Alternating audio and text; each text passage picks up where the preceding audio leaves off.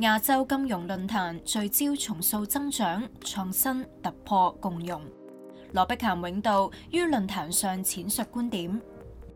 It's all about digital transformation of this uh, financial new era and how technology is redefining business models and hence business perception of growth. 論壇第二日嘅專題午餐會，羅碧咸永道探討普惠金融。PwC is actually very delighted to have the opportunity to host Professor Abhijit Banerjee, who is the 2019 Nobel Laureate for Economics. There is a need to build inclusive economies with inclusive growth and financial inclusion is one key dimension. 羅兵咸永道亦都舉辦咗網絡安全研討會，探討創新技術嘅風險管理。Lots of the financial inclusion initiatives such as fintech, virtual banking, digital currencies, are technology driven.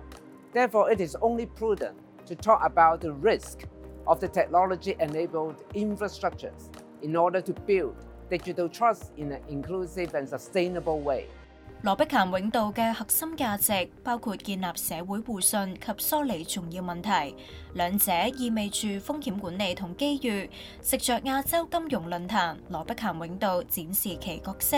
Over the years, it has proven itself as one of the most important platforms that brings together multiple stakeholders in the financial and business community and the government to exchange and advance conversations that are matter most in society today.